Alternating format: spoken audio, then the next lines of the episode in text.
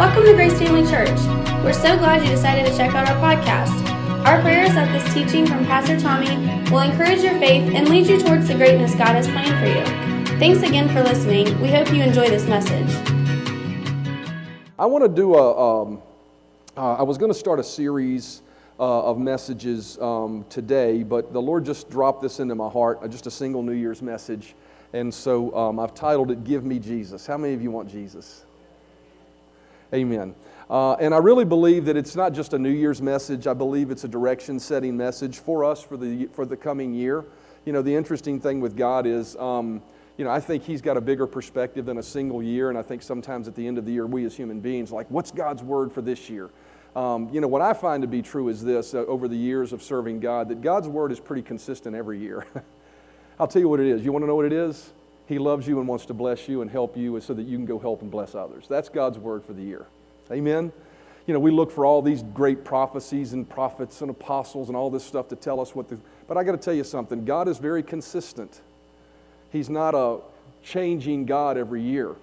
And so, uh, and so I'm encouraged that, you know, that He wants us to uh, reach out. He wants to love us. He wants to bless us. It's an encouraging word. But I do believe that this message will set the tone for the direction and focus that we have for the coming year. And so I want to start uh, by reading Psalm 127, verse 1 and 2, and then we'll move through what the Lord has for us. And I just pray that it'll be a blessing to you and that you'll be able to say, you know, I'm better because I came to church today. And hopefully that happens every week of every Sunday that you come um, uh, to grace this year. Psalm 127, verse 1 and 2 says, Unless the Lord builds the house, they labor in vain who build it. Unless the Lord guards the city, the watchmen stay awake in vain. It is vain for you to rise up early, to set up late, to eat the bread of sorrows, for so he gives his beloved sleep, or that word sleep also can mean rest. Let's pray before we get started. Father, uh, thank you so much. Um, I just, I love you so much, and I'm so grateful for all the good things you do in our life. I'm so grateful that we can look back over the course of 2021 and see moments in which you intervened in our life and helped us. Uh, we may look back and see moments of difficulty, but even in those difficult moments, I thank you that we can know that you were there with us, helping us. And I thank you that we can look forward and expect great things too, because that's just the kind of God you are. Uh, and I thank you that for this moment that we have this morning, that you will speak to us, that you will speak words of direction for us and help for us so that we can truly say that we've heard from heaven and our lives are better. Thank you for anointing me to and using me beyond my own ability to do that. In Jesus' name, amen. Um, you know, uh, as a pastor of a church, you know, it's interesting. I'll give you a moment in the heart of a pastor. And, um, but, you know, as the pastor of a church, you know, um, it, there, there's a responsibility sometimes you carry to feel like that, uh, and it's not, not even feel like, it's the truth, to, to bring people um, and lead people into a place where their relationship with the Lord grows.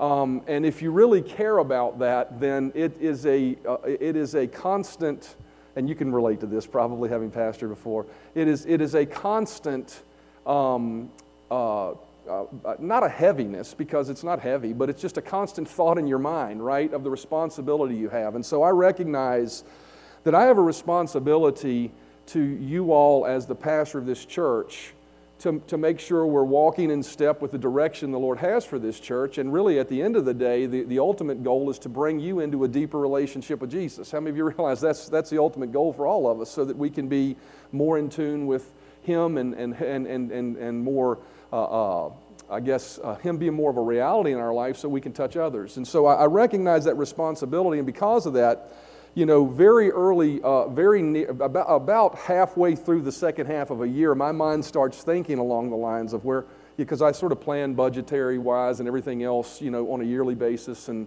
you know, every half year I check it. And but but the but the reality is, as I begin thinking about, you know, what what do you? Is there something new? Is there a direction you want us to head, Lord? And you know, um, I, I began seeking the Lord about that really probably two and a half, three months ago.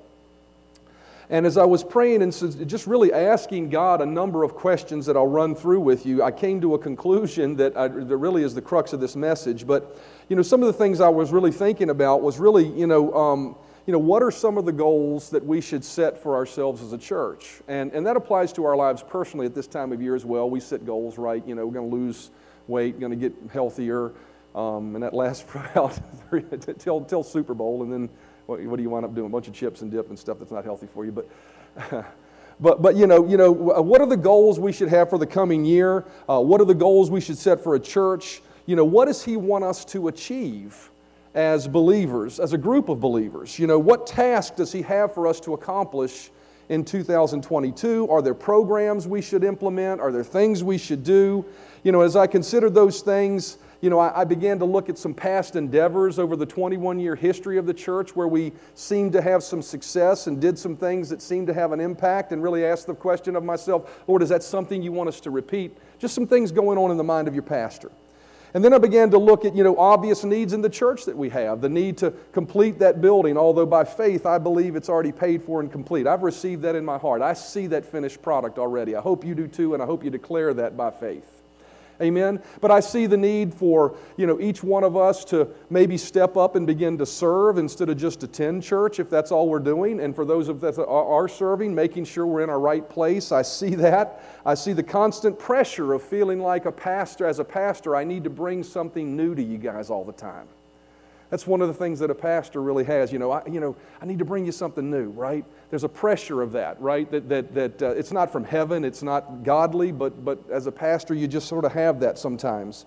Uh, and then, you know, I, I see the need of, you know, for, for us to grow as a church, not so that we are, you know, we can say we're a big church, but so that we're being effective. How many of you realize the kind of growth we're talking about is not people church hopping from church to church? I mean, there are seasons where people need to move to different places at times in their life, but the kind of growth that, you know, I'd like to see for our church in the coming year is, you know, the lost and the hurting, right? And the hungry that don't have a home finding this place and then saying, This is a place I could make home. Why? Because I found Jesus there. Amen?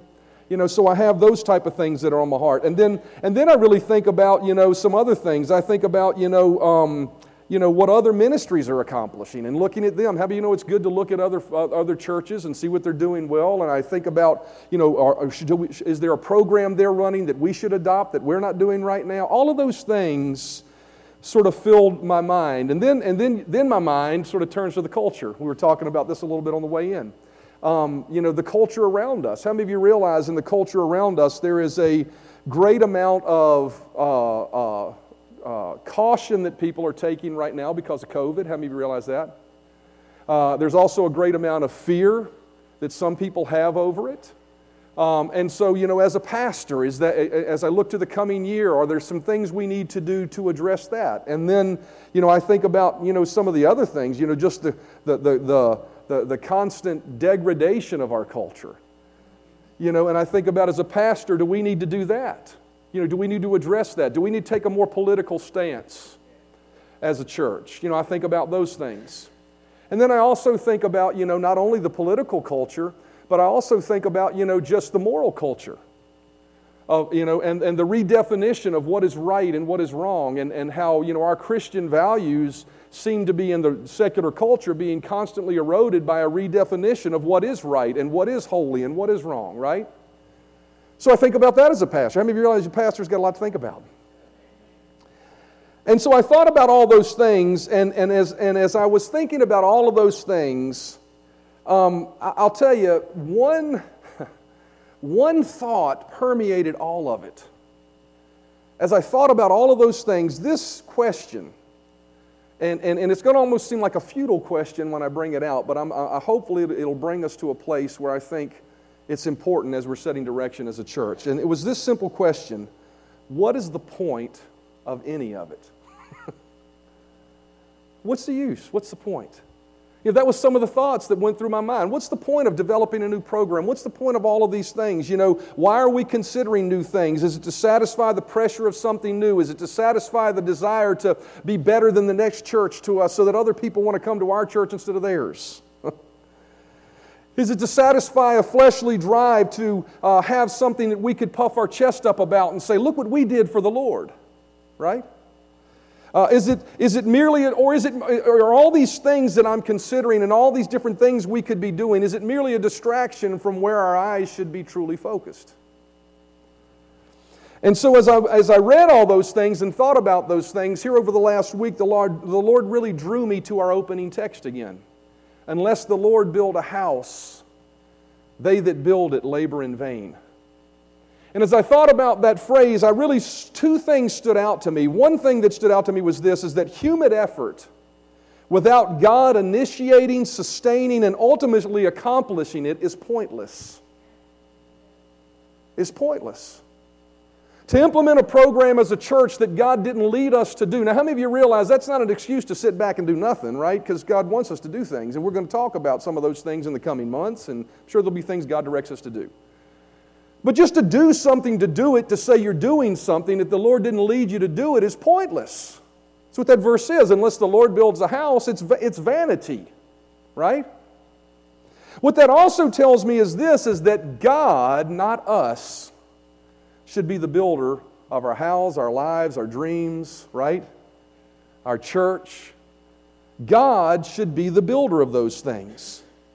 The constant need, and this is something I think every human being deals with. How many of you ever had uh, a day of nothing to do? How many found it hard to do nothing? What should I be doing? Should I should be doing something? I should be doing something, right? The constant need to feel like you need to do something or accomplish something is actually a thief and will limit the Lord from actually accomplishing something great through you.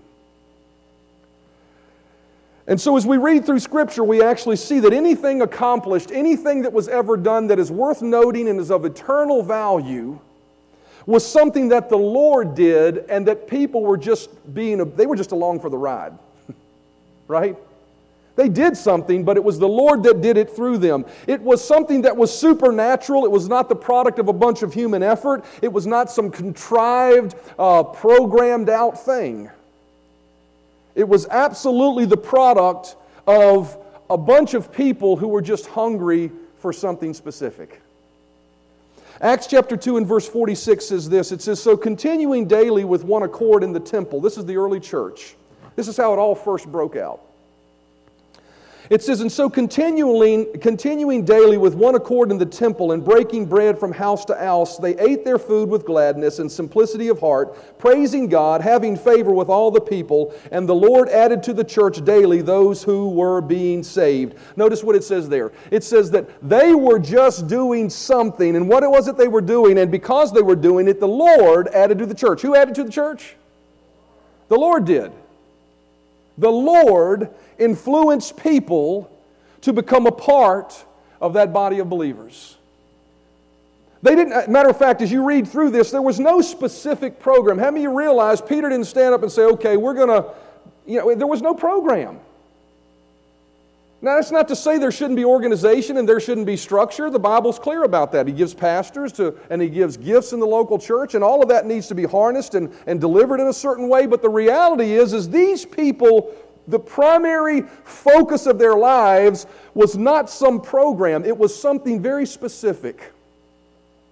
It says, They continued daily with one accord in the temple, breaking bread from house to house. They ate their food with gladness, with simplicity of heart, praising God and having favor with people. What I see there, in, as I look at that and take a step back from that verse and, and visualize what was going on, what I see is a group of people that were hungry for Jesus collectively. They were just hungry for Him. They were simply pursuing intimacy with Jesus, and out of that intimate relationship with Him, they were allowing that character to rub off on others to the point that others said, I want to be a part of that. There was not a bunch of look at what we did moments, but instead there was a bunch of the Holy Ghost said moments as they sought the Lord. As they simply made Him their pursuit, made Him their purpose, made Him their desire, there were moments where the Holy Ghost would speak to them and they would go act, and God would do something specific and supernatural beyond their ability. See, I, I, I, as I look at you know, uh, planning as a pastor, I can tell you this, and I've said this many times I am committed to not fabricate something. And maybe to my own hurt, right?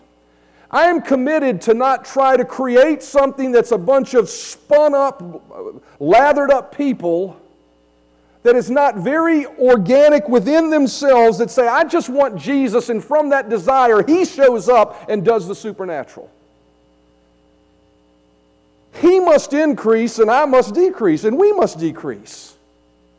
And so, and so what we see is, is this attitude in the early church, and their mindset was, we're just hungry for Him. And out of being hungry for Him, there were moments where the Holy Ghost would lead and say to do something or do this or do that, and in that moment, God actually intervened. It created opportunity for His power to intervene and do something spectacular that truly pointed everyone's attention to Him and not their lights and not their smoke machines and not their great worship and not their great, you know, motivational speeches. It pointed people to Jesus. We see this same attitude in the life of Paul nearing the end of his ministry in Philippians chapter 3. I'm going to read verses 7 through 15. This is a compilation of the contemporary English version and the Amplified Bible. And I'm going to read these verses for you, then we're going to break them down for the remainder of the service. Philippians chapter 3 and verse 7, Paul said, But Christ has shown me that what I once thought was valuable is worthless. You know, that's really interesting. At the end of his ministry, which that leads me to believe that there were things that he did in his life at certain points that he really thought were valuable things. And what, what the Lord said to him and showed him through him growing and recognizing what was important he said, I recognize those things were what? Worthless. nothing, nothing, nothing. This is a great verse. Nothing is as wonderful as knowing Christ Jesus, my Lord. I have given up everything else and counted all as garbage. All I want is Christ and to know that I belong to Him, not having any self achieved righteousness that can be called my own, but possessing that genuine righteousness which comes through faith in Christ. For my determined purpose is that I may know him, that I, more, that I, may, more that I may progressively become more deeply and intimately acquainted with him, perceiving and recognizing and understanding the wonders of his person more strongly and more clearly and that I may in the same way come to know the power outflowing from his resurrection, which it exerts over believers, and that I may so share his sufferings as to be continually transformed in spirit into his likeness, even to his death, in the hope that if possibly I may attain to the spiritual and moral resurrection that lifts me out from among the dead, even while in the body. Now that I have attained this ideal, not that I have attained this ideal or have already been made perfect, but I press on to lay hold of, grasp, and make my own that for which Christ Jesus the Messiah has laid hold of me and made me his own. I do not consider, brethren, that I have captured and made it my own yet, but one thing I do, it is one, my one aspiration, forgetting what lies behind and straining forward to what lies ahead. I press on toward the goal to win the supreme and heavenly prize to which God in Christ Jesus is calling us upward. So let those of us who are spiritually mature and full grown have this mind and hold these convictions. And if in any respect you have a different attitude or mind, God will make that clear to you also. What a mouthful those seven or eight verses are. And what I want to do is take a few moments to just break down these verses to help us set our focus and our direction and our attention as individuals, but also as a church collectively for the coming year and really for any year to come. This is not applicable to just 2022. You could apply this to any day of your life. So let's spend a few moments first of all. What do we see in these verses? First of all, we see Paul's priority. Verse 7, 8, and 9, he said, But Christ has shown me what I once thought was valuable is worthless. Nothing is as wonderful as knowing Christ Jesus my Lord. I have given up everything else and count it all as garbage all I want is Christ and to know that I belong to Him. One of the first questions I would ask you this morning is Are your priorities in order as a believer? Are your priorities in order? Is the primary goal of your life the same primary goal that Paul had? Is the goal that you have, are the resolutions that you made in 2022, do you find Jesus in any of it? Is there something on the inside of you that's looking forward? Is, is every plan that you make and every purpose that you have, is it all to the end that it would glorify and bring me into a deeper relationship with Christ? Are you fashioning your life in such a way that pursuing Him is the centerpiece of your life? Are your goals wrapped up in Him? You know, one of the things I was thinking about is this church. This is a pretty hard hitting message. I got to tell you, you come to this church, we're not going to allow you to just skate by. I'm not going to do that. I'm going to challenge you, hopefully, every Sunday. And one of the things that challenged me about this was this phrase. He said, I count it all as garbage. Now, you know, I shared with you guys last week, I had to check my attitude because the county didn't come pick up my trash cans. How many remember me talking about that? When they said they were going to come pick them up. And so I had a full bunch of trash cans. Well, guess what I had to do that week prior to them coming the next week? I had to take stuff down to the dump. You know, there's a, how many of you ever been to the, the, the county dump? There's a really unique smell there, isn't it? It's very unique. When you smell it, you know what it is. And what Paul said was this He said, Everything that I can accomplish or pursue in my life outside of knowing Him is garbage. If you are pursuing things in your life that don't have some similitude of I'm doing this because this is what has emanated from my relationship with Christ, then it's nothing more than a trip to the landfill. And what this verse tells me is that Paul's priority was this. He said, All, in that verse, he said, All that I want, all that I want, all that I want is Him. That's a pretty powerful statement. That's an all inclusive statement. All I want is Him.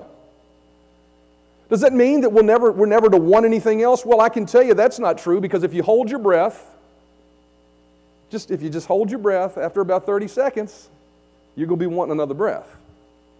Right? So that's not, that's not to mean that we shouldn't want things and desire things, even nice things in this life. But what Paul was saying was, is the priority of my life, all of those things are great, but the priority of my life is I want Him. Is that your priority this morning? Is your priority Him first? Because that's what Paul's was, and that's what the early churches was.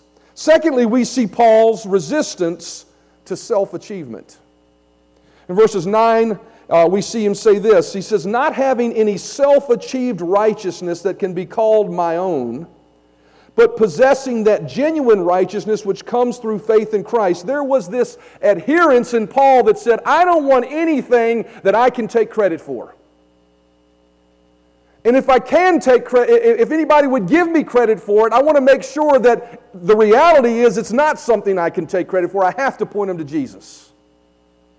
Paul said these words. He said, he says, I, I don't want any self-achieved righteousness. You know, what that means is, is I don't want to try to earn my righteousness with God, but I also don't want anything that I can hold my chest up and hold my shoulders back and puff my chest out and say, look at the great thing that I did. And I can tell you this as a church. I don't want to build a church where we can say, look at what we did.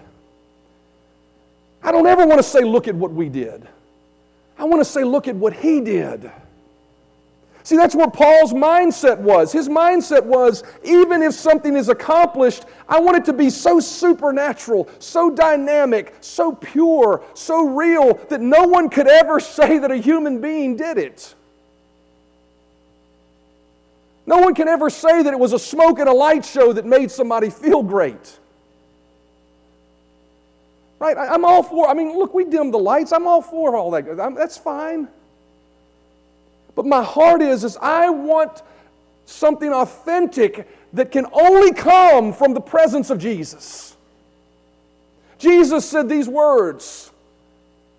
He said that if you know the truth, the truth will make you free. He is the truth. I, my heart, how many of you realize that the woman, uh, the man that was bound in chains and was a demoniac, when he encountered Jesus, it didn't require a 12 step program to change him. It didn't require you know, countless discipleship programs to change him. Now, I'm all for that too, because we're going to talk about, we're going to do, we'll probably do some of that this year. It was an encounter with Jesus that changed him. And that's what Paul was saying is I don't want anything that I can take credit for. I'm desiring and the desire, and I hope the desire that is being embedded in you even now, if it's not already there, is that our future as a church would be a place where people walk in here and something supernatural really happens to them. Well, we can't take credit for it. We can only say, my God, look at what the presence of Jesus did to that person. So, one of the questions we have to ask ourselves is Are we devoid of any prideful pursuits that are the product of a desire to merely beat our own chest? Or are we simply humbly approaching the year with an attitude of Jesus, I'm just going to seek you. If you tell me to do something, I'm going to do it. If you don't tell me to do something, I'm just going to keep seeking you. You know, that's where most people make mistakes. They don't have the patience to keep seeking when they don't know what to do yet. So they just fabricate something. But we're, we're not going to do that as a church. We're going to make Jesus the goal, and we're going to be, uh, we're going to, we're going to, I, I tell you, I'm, I am resistant to anything that is going to be man made or man fabricated where we can say, look what I did. Doesn't mean we're not going to do stuff. I mean, real, the book of Acts is called the book of Acts because there were acts. But they were acts of Jesus by the power of the Holy Spirit through believers who were just obeying Him. Amen? Thirdly, we see Paul's commitment to the person of Jesus. Everybody say the person of Jesus. Verse 10 says, For my determined purpose is that I may know him. Him, him, him. How many of you realize Jesus is not a thought, he's not a theory, he is real. He said, That I may know him, that I may progressively become more deeply and intimately acquainted with him, perceiving and recognizing and understanding the wonders of his person more strongly and more clearly. You know, he, Paul was committed to knowing the person of Jesus. Is your goal this year to make him something more than just a thought, something more than just a storybook character? Is your goal to truly be able to say, when I go somewhere, there is a person with me named Jesus? By the power of the Holy Spirit, of course, right? Is deeper intimacy with the person of Jesus your goal this year? I don't know about you, but that is my goal. My goal this year is that I would be able to say on December 31st, 2022, and I look back to where I'm standing right now, that I know Him more than I do eh, than I did at that time. That should be our goal. Our goal should be deeper intimacy. We also see Paul's commitment to the experience of sharing the power of Jesus with others. Verse 10 says, That I may know the same, in, the, in that same way, that I may in that same way come to know the power outflowing from his resurrection, which it exerts over believers. He says, Not only that I can know him, but that I can also know the power that emanated from his resurrection. See, you realize that the moment Jesus rose from the dead, there was a power exerted into the spiritual atmosphere that is constantly coming forth. And what Paul said was that I may know the power of that resurrection that is coming forth, that I may know it. Why? Not so that I can just experience it. No, we can see through the, the abundance of his life that it was his life was not about him just experience it. It was about him actually allowing that to flow out from him to others. Is the goal of our life to let others know about this great relationship that we have with Jesus? Or do we tuck it away? Do we hide it? You mean Sam we're talking, you know, Sam's got a really cool shirt on today that's got a picture of Jesus. I think one of, one of the folks said, it, oh yeah, Chase said it looked like something you'd see on the bottom of a pool, a mosaic on the bottom of a pool. You know, that'd be a pretty cool bottom of your pool, right? Jumping in the water. Spiritual animal, right? But you know, what, what, what Sam said was it's sort of interesting when you wear shirts like this, you think about where you're going before you put it on. Right? Why? Well, you're making a statement. Right? The reality is, is that Paul was interested in his life making a statement about his relationship with Jesus. And one of the goals that I, I think we should have for our life is, is at the end of this year that people would know more than they do today that I got a relationship with him. That they would truly be able to know that. Are, are you, a, are you a, what I call a submarine Christian? You know, show up on Sunday morning on the surface, Monday morning, bloop, bloop, bloop, bloop, bloop, down along the bottom, Sunday morning, bloop, bloop, bloop, bloop, back up. You know, I don't believe we need to be submarine Christians. We need to be battleship Christians. On the surface, all the time, about what we believe. I'm not talking about being rudely and crassly and overbearing to people, but I'm talking about just living your heart for Jesus every single day in front of people. Paul's commitment was to experience and share Jesus. We also see Paul's willingness to suffer. Everybody say, suffer. To achieve his goal of knowing Jesus more and helping others know him more. You got your shoes on? Hard toe, steel toe shoes? Paul said this it says, And that I may share his sufferings, as to be continually transformed in spirit into his likeness, even to his death, in the hope that if possible, I may attain to the spiritual and moral, moral resurrection that lifts me out from among the dead, even while in the body. What was he saying? He was saying, I'm willing to suffer if necessary to know him more. I'm willing to suffer if necessary to help others know him more. Now, I'm not talking about the kind of suffering that Jesus came and died on a cross to set us free from. I need to be very careful about that because there are even Christian uh, teachings that would teach you that God wants you to suffer certain things that Jesus died on the cross to set you free from. Right? Jesus came and He died on the cross to deliver you from the power of the enemy. He came and took stripes upon his back to set you free from sickness and disease. So I'm not talking about suffering with something that the devil tries to put on you. The suffering that I'm talking about is a willful choice to take on inconvenience and uncomfortable things to help others and to know Jesus more. How many of you realize if you like a television program a whole lot and then you begin to recognize it's got stuff in there that just ain't good for you because it doesn't foster a Christian mindset? It, it, it wears away on your understanding of what right and wrong is. How many of you realize making a choice to say, you know what, I really like that, but I'm not going to watch that anymore? How many of you realize that's not comfortable? Right? That's suffering. You say, well, that's just a little thing, right? That is a little thing. You got to start somewhere. Right? My question for you this morning is, is uh, Is Jesus so much a goal for your life that you're willing to suffer some things? To know Him better? Are you willing to give up a little time doing something else to do something you should be doing? Right? Are you willing to sacrifice so others can? Right?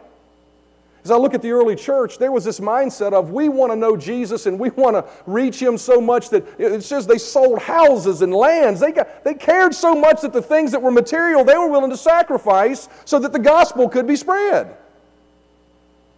My question for each one of us this morning is, is are we willing to sacrifice to that level for the gospel? You know, how many of you realize God wants you to enjoy vacations? He wants you to enjoy good times. He wants you to enjoy good things. But how many, I would ask the question, nobody raised their hand, in the last year, how many have actually said, you know, I'm going to sacrifice doing that so that I can help do this? That's what real Christianity is. That's where the rubber meets the road. And Paul was willing to sacrifice.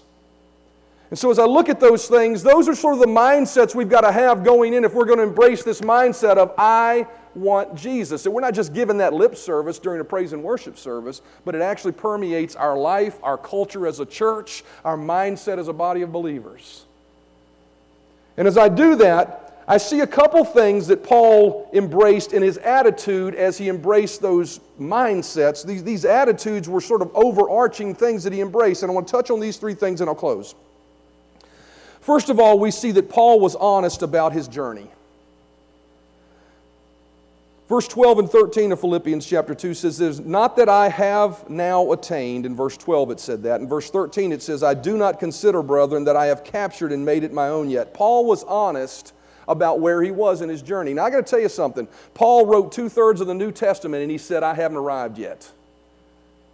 Well, there's a pretty good chance that you haven't either, then, right? Amen? And as we talk about a message like this, it never, I never want it to come across as a condemning message, right? It needs to come across as a message that challenges us and encourages us and lights a fire in us. And what Paul said is, in the midst of all my pursuing and sacrificing and suffering, I realize I still fall short of it sometimes. He says, I, I haven't attained, I don't consider, brethren, that I've captured yet the full knowledge of who Jesus is. I, I haven't arrived there yet, and I also fall short of arriving at what He wants me to be to allow me to get there sometimes. Sometimes I don't act the way I should. Sometimes I, I, I, make a mistake. Sometimes I sin. Sometimes I do those things. But Paul realized that his destination, where he was headed, was not a destination, it was a journey. And as we pursue this goal of more of Jesus and more of Jesus and, and Him being the focus and Him being the desire, we must be honest with ourselves of where we're at. And what is that? That we're human beings that are spirit filled, that, well, if you, hopefully you are. but we're human beings that have the Spirit of God living in us if we're born again, that are washed in the blood of Jesus, that stand before Him righteous even though we're imperfect at times in our walk. Right? Not only that, but Paul didn't allow his imperfections in his pursuit of Jesus to condemn him. You know, I'll tell you one thing I have recognized over the last half of this year. If you go back and listen to my messages and listen to what the Spirit of God's been saying through me, and I, I you know, not that I've got a corner, but it's just, it was, it's, it's the direction that the messages have become. Go back and listen to them. You'll see there's a constant theme about spending time with Him, getting away with Him, slowing down, resting in His presence. But I got to tell you, as I'm preaching those things, even as a pastor, I fall short of that at times. Amen. I spend time playing stupid games on my phone when I could have been reading my Bible.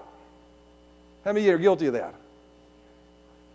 I spend time watching television programs when I could set aside time. How many of you, how many of you are guilty of that?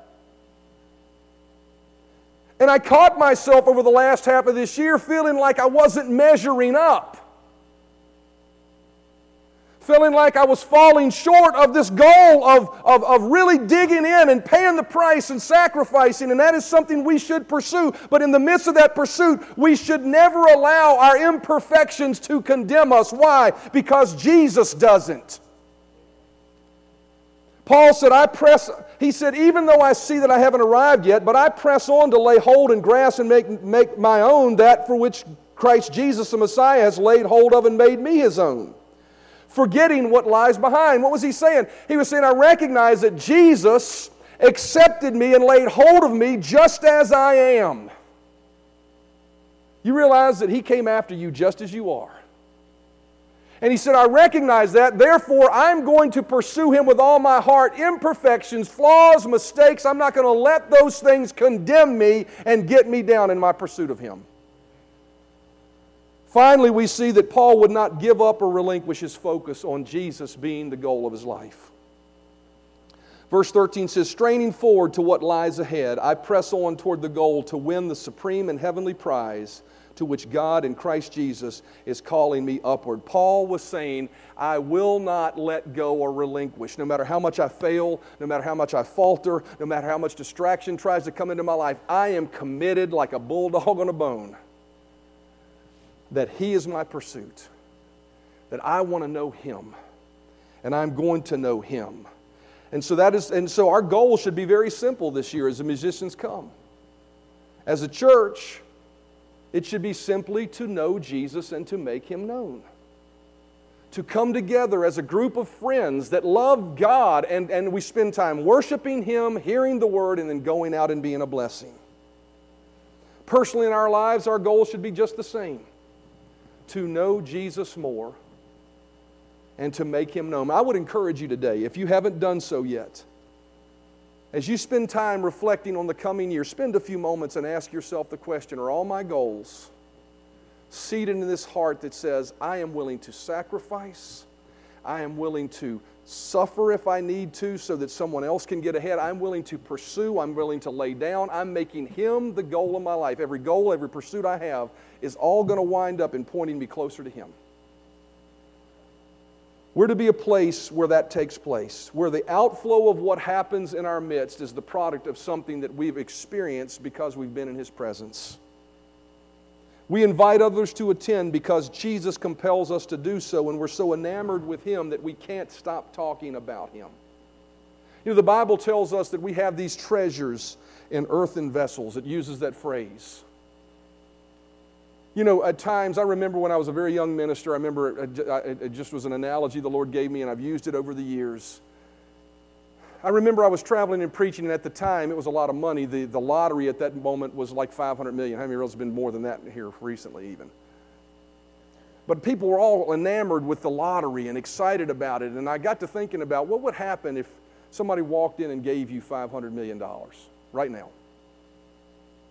Would you be excited? If you wouldn't, that's okay. You can give it to me.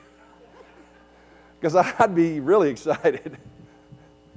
Man, if you, if you won $500 million, you'd be so enamored by it. You'd tell, you'd be like, man, you, you won't believe what happened. You'd be delighted. You'd tell people. You'd tell your family. You'd tell your loved ones.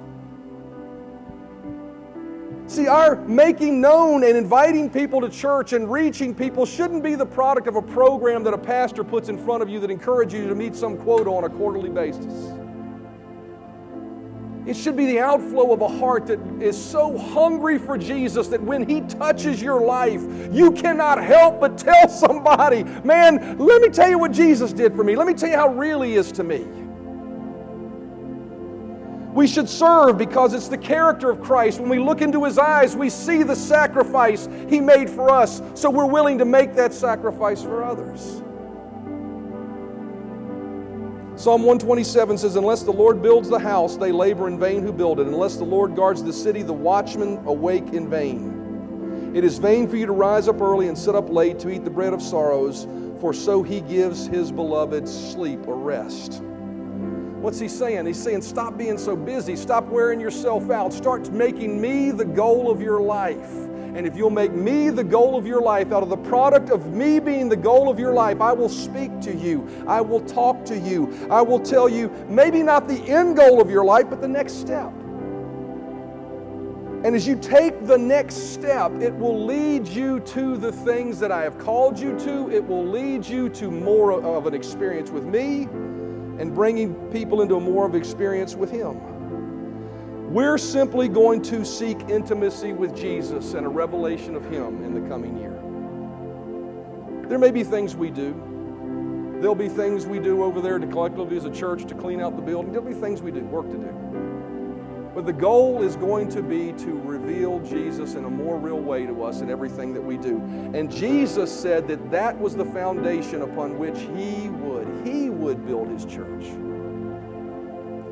Matthew chapter 16, Jesus, Simon Peter spoke up and said, after Jesus asked him, Who do you say I am? He said, You're the Messiah, the Son of the living God. How did Jesus know? How did Peter know that?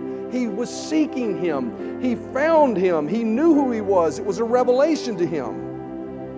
And Jesus told him, Simon, son of Jonah, you are blessed. You didn't discover this on your own. It was shown to you by my Father in heaven. He had spent time in the presence of Jesus to the end that God showed him something. So I will call you Peter, which means a rock. And on this rock, notice this, Jesus said these words. He said, I will build my church. I will build my church. In Acts chapter 2, we see him fulfilling that. And the Lord added to the church daily. As we seek him, and is the, uh, the, the, revelation of Him as our Savior, our Lord, our King of Kings, our, our, our Master, our Savior, our mighty God, as, as, we, as we pursue Him and those revelations become real to us, what this verse says is that He'll build the church. I believe that as we seek Jesus, God will make this body exactly what He wants it to be. And I believe as we look at Scripture, we will see that that means that this will be a place where the lost, the hurting, and the hungry come in here because this is where they can find not just a theory of Jesus, but the power of Jesus in manifestation. Amen? Amen. Not only this church, but collectively and individually, I'll end with this verse. It says, Are you tired worn out, burn out on religion, come to me. Get away with me, and you'll recover your life. I'll show you how to take a real rest. Walk with me and work with me. Watch how I do it. Learn the unforced rhythms of grace. I won't lay anything heavy or ill fitting on you. Keep company with me, and you'll learn to live freely and lightly. What was Jesus saying? He says, If you'll come to me, if you'll come to me, if you'll come to me. See, what so many people want to do is come to Him and then go from Him. When we should just keep on coming after Him, keep on coming after Him, keep on coming after Him. And the outflow of our life as we're chasing Him will give us a life that is light and easy, not a task to do not a program to run, right? But an outflow of our lives of Him making Himself real to us. Amen. Thanks for listening to our Grace Family Church podcast. We hope you enjoyed this message. If this ministry has blessed you in any way, we would love for you to get connected. Just go to gfcva.info for more information about who we are, how to give to this ministry, or how you can get involved. Thanks again for listening, and we hope to see you soon.